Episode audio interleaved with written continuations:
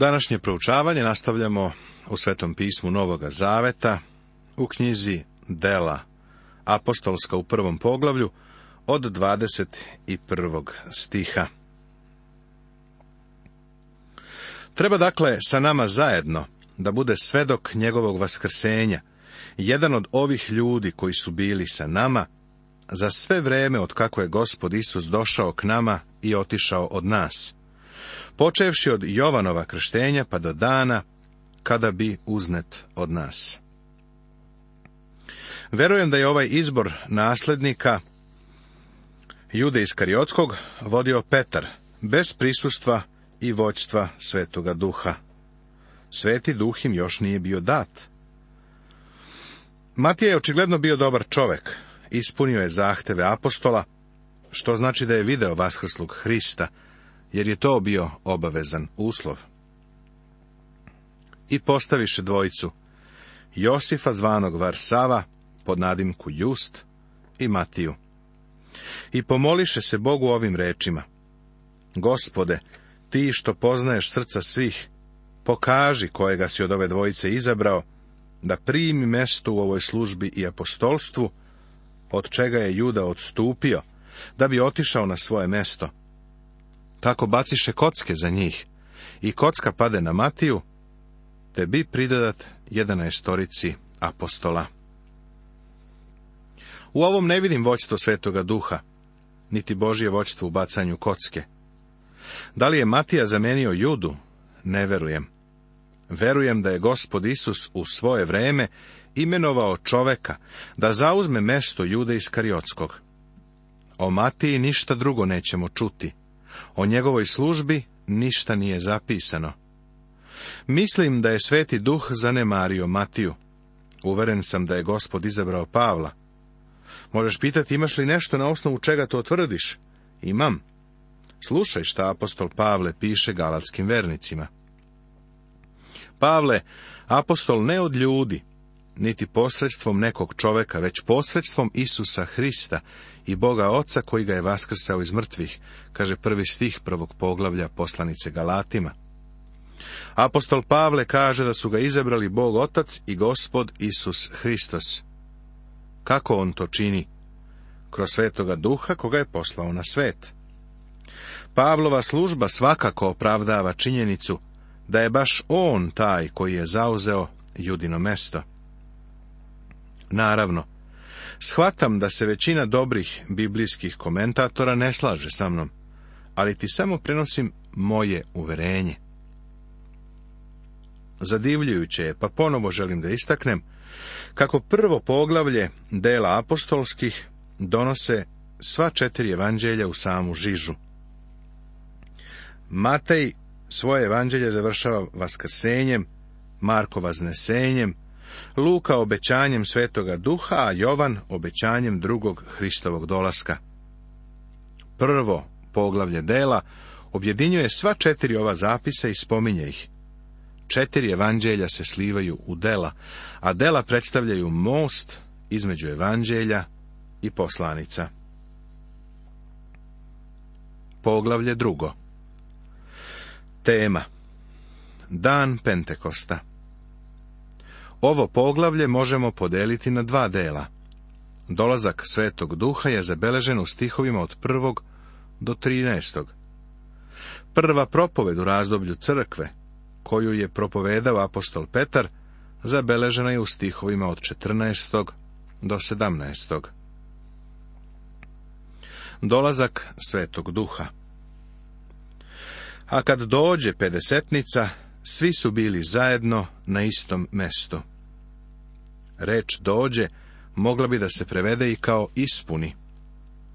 Kada se dan Pentekosta ispunio, svi su bili zajedno na jednom mestu. Pentekost, odnosno pedesetnica, je bila 50 dana nakon praznika prvina. Možda se sećaš da smo u trećoj knjizi Mojsijevoj proučavali da praznik prvina govori o vaskrsenju Isusa Hrista. Hristos je prvina. A stih kaže, kao prvenac Hristos, zatim oni koji Hristu pripadaju prilikom njegovog dolaska.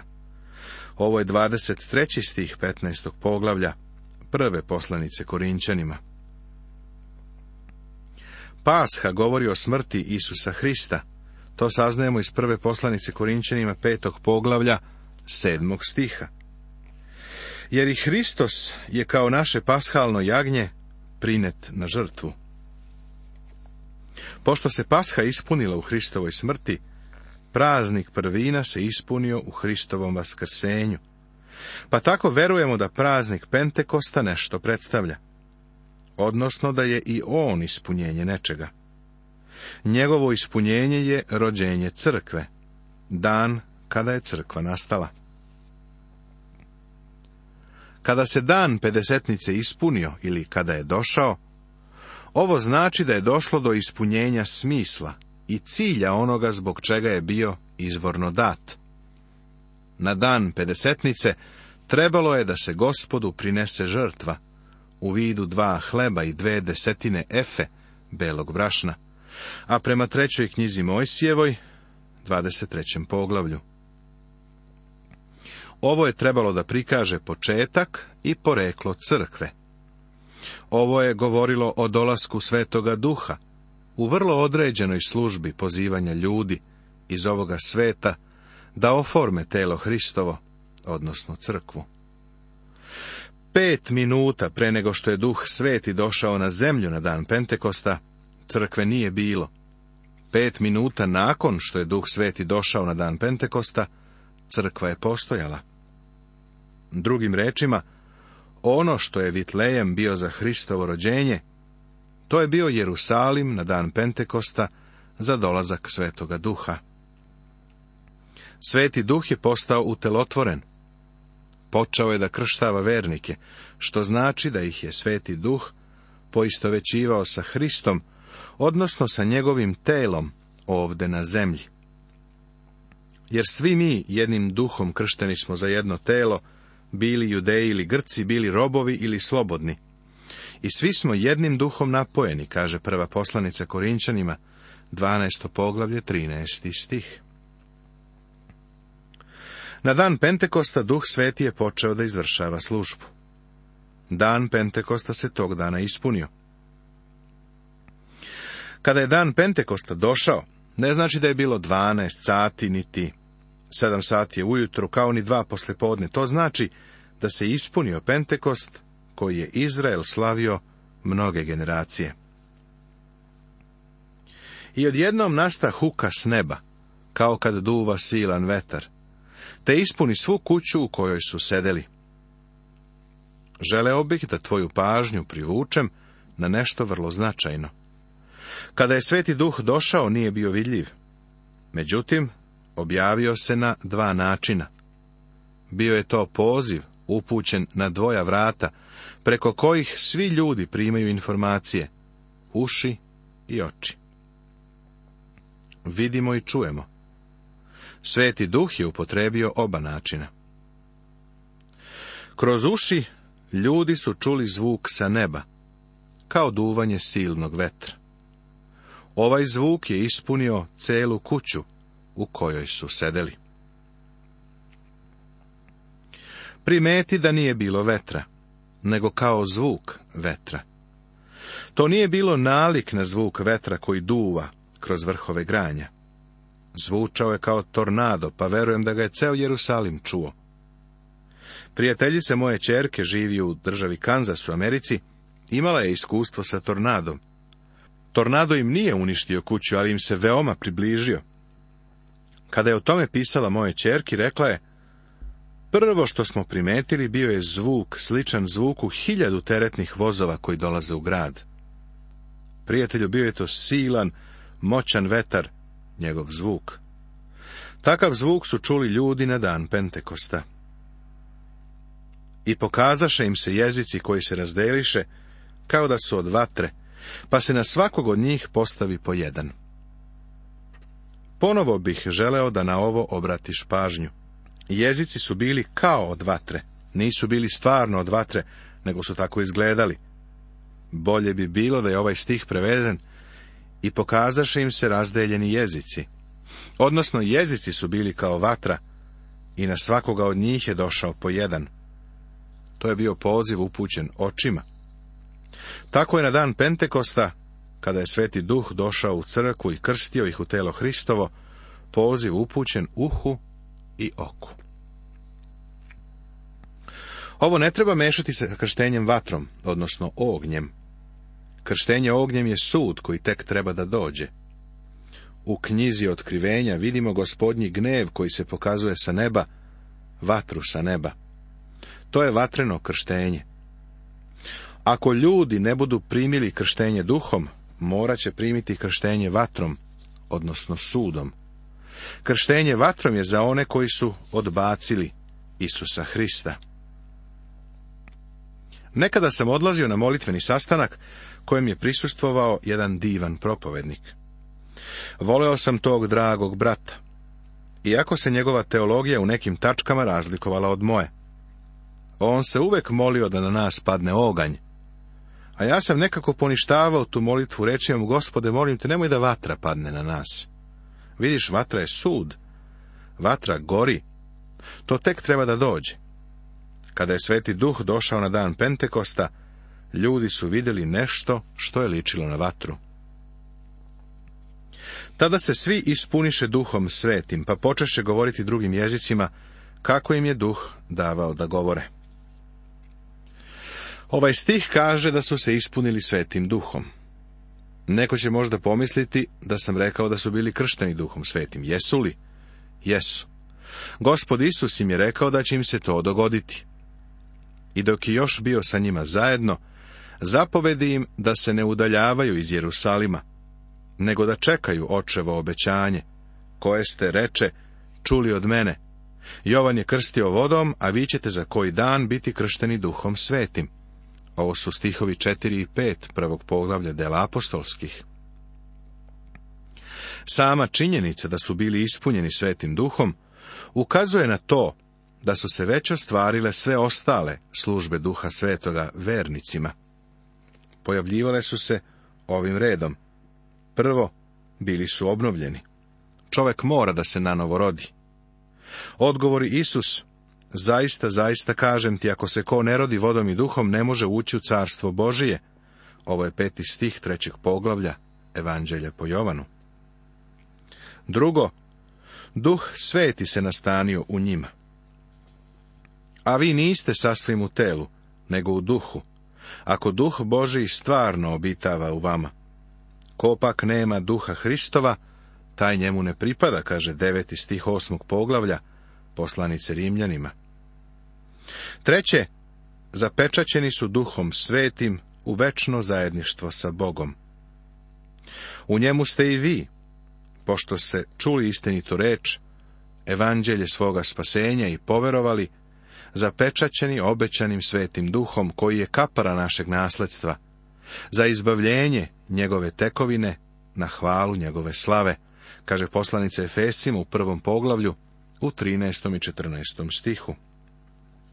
I ponovo, u četvrtom poglavlju, u 30. stihu iste poslanice kaže se i ne žalostite Božjeg svetog duha kojim ste zapečaćeni za dan izbavljenja. Moguće je ožalostiti duha svetoga, ali nije moguće stalno ga žalostiti. On vernika zapečaćava za dan izbavljenja. Od nas se nikada nije tražilo da molimo, za zapečaćivanje svetim duhom. To je nešto što Bog čini pošto ste poverovali, odnosno kada ste poverovali pod navodnicama. Vera u Isusa Hrista obezbeđuje nam zapečaćenje duhom svetim na dan izbavljenja. Četvrto, bili su kršteni duhom svetim. Ovo je predvideo Jovan Krstitelj, što je zapisano u 16. stihu trećeg poglavlja evanđelja po Luki, a ponovio gospod Isus. Jovan je krstio vodom, a vi ćete za koji dan biti kršteni duhom svetim, kažu dela apostolska, prvo poglavlje, peti stih. Krštenje se desilo i time su postali deo tela vernika. Tako je obeležen začetak crkve.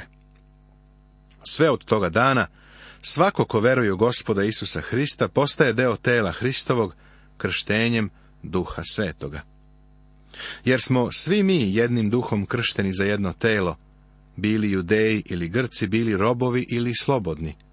I svi smo jednim duhom napojeni, kaže prva poslanica Korinčanima, 12. poglavlje, 13. stih. Kada je na dan Pentekosta došlo do ispunjenja svetim duhom, time je pokazano da su se ispunile i četiri druge službe duha svetoga. Ispuniše se duhom svetim. Ispunjenje duhom svetim je bilo radi službe. Iskustvo dana Pentekosta je poteklo od ispunjenja duhom svetim, ne od krštenja svetim duhom. Isto je i danas. Ispunjenje duhom je radi službe. Ovo je jedino što nam je u vezi sa svetim duhom zapoveđeno da činimo. Zapoveđeno nam je da se ispunimo svetim duhom. I ne opijajte se vinom u čemu je raskalašenost, nego se punite duhom, kaže 18. stih petog poglavlja poslanice Efescima.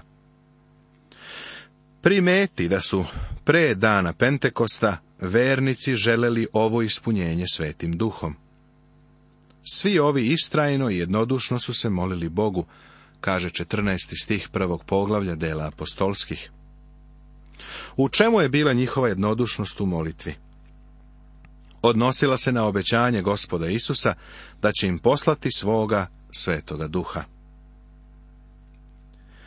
Krštenje svetim duhom nam nije dato u vidu zapovesti. To nije iskustvo, to je Božije delo, putem koga se u čoveku koji veruje u Isusa Hrista nastanjuje sveti duh, zapečaćava ga za dan izbavljenja i pripaja crkvi Hristovom telu krštenjem duhom. Ispunjenje duhom Božijim je osposobljavanje za službu. Zapoveđeno nam je da se ispunimo duhom. Nakon što su se ispunili svetim duhom, počeše govoriti drugim jezicima, kako im je duh davao da govore. Stih četvrti. Ovi drugi jezici nisu nepoznati. Jevreji su u doba Rimskog carstva govorili različitim jezicima. Ovi ljudi su došli iz različitih krajeva Rimskog carstva na praznik Pentekosta, jer je od svih muškaraca zahtevano da dođu u Jerusalim na tri praznika. Zato su bili u Jerusalimu, a mnogi od njih nisu govorili jevrejski. To nije neobično. U našoj zemlji u Americi danas ima mnogo jevreja koji ne govore jevrejski. Godinama je taj jezik bio mrtav. Danas se u Izraelu jevrejski ponovo govori. E sada, prijatelju, dan Pentekosta se ne može ponoviti. To je bila određena tačka u istoriji. Više je ne možemo ponoviti, kao što ne možemo ponoviti Vitlejem i Hristovo rođenje za Božić. Pretpostavimo da su i sljedeće godine mudraci ponovo došli u Vitlejem i rekli, tražimo judejskog cara koji se rodio u Vitlejemu. Možda bi Irod rekao, pa ako se u Vitlejemu rodio prošle godine, nije se rodio ponovo ove godine. O, ali prošle godine smo imali tako divno iskustvo, pa smo mislili da treba ponovo da dođemo i sve to obnovimo. Irod bi naravno odgovorio, vidite, to ne možete ponoviti. On je jednom rođen u Vitlemu. Isto tako, prijatelju, ne možeš ponoviti dan Pentekosta. Duh Sveti je došao na dan Pentekosta. Ne moraš ga preklinjati da dođe. On je tu. Duh Boži je danas na svetu. Isus nam je rekao šta će raditi kada dođe. On će me proslaviti, jer će uzeti od mojega i javiti vam, kaže 14. stih 16. poglavlja Evanđelja po Jovanu. Znamo da je ovde kada ono što je Hristovo uzme i pokaže nam. A kada govorimo o onome što je Hristovo, Duh Sveti ima nešto sa čime može da radi. Kako im je Duh davao da govore? Ovi apostoli su bili iz Galileje. Nisu govorili sve one jezike, ali sada ih govore. Duh im je davao da govore. A u Jerusalimu su stanovali pobožni ljudeji i svakog naroda pod nebom. Došli su iz svih krajeva zbog praznika Pentekosta. Iz tog razloga su bili u Jerusalimu. Nastavit će se.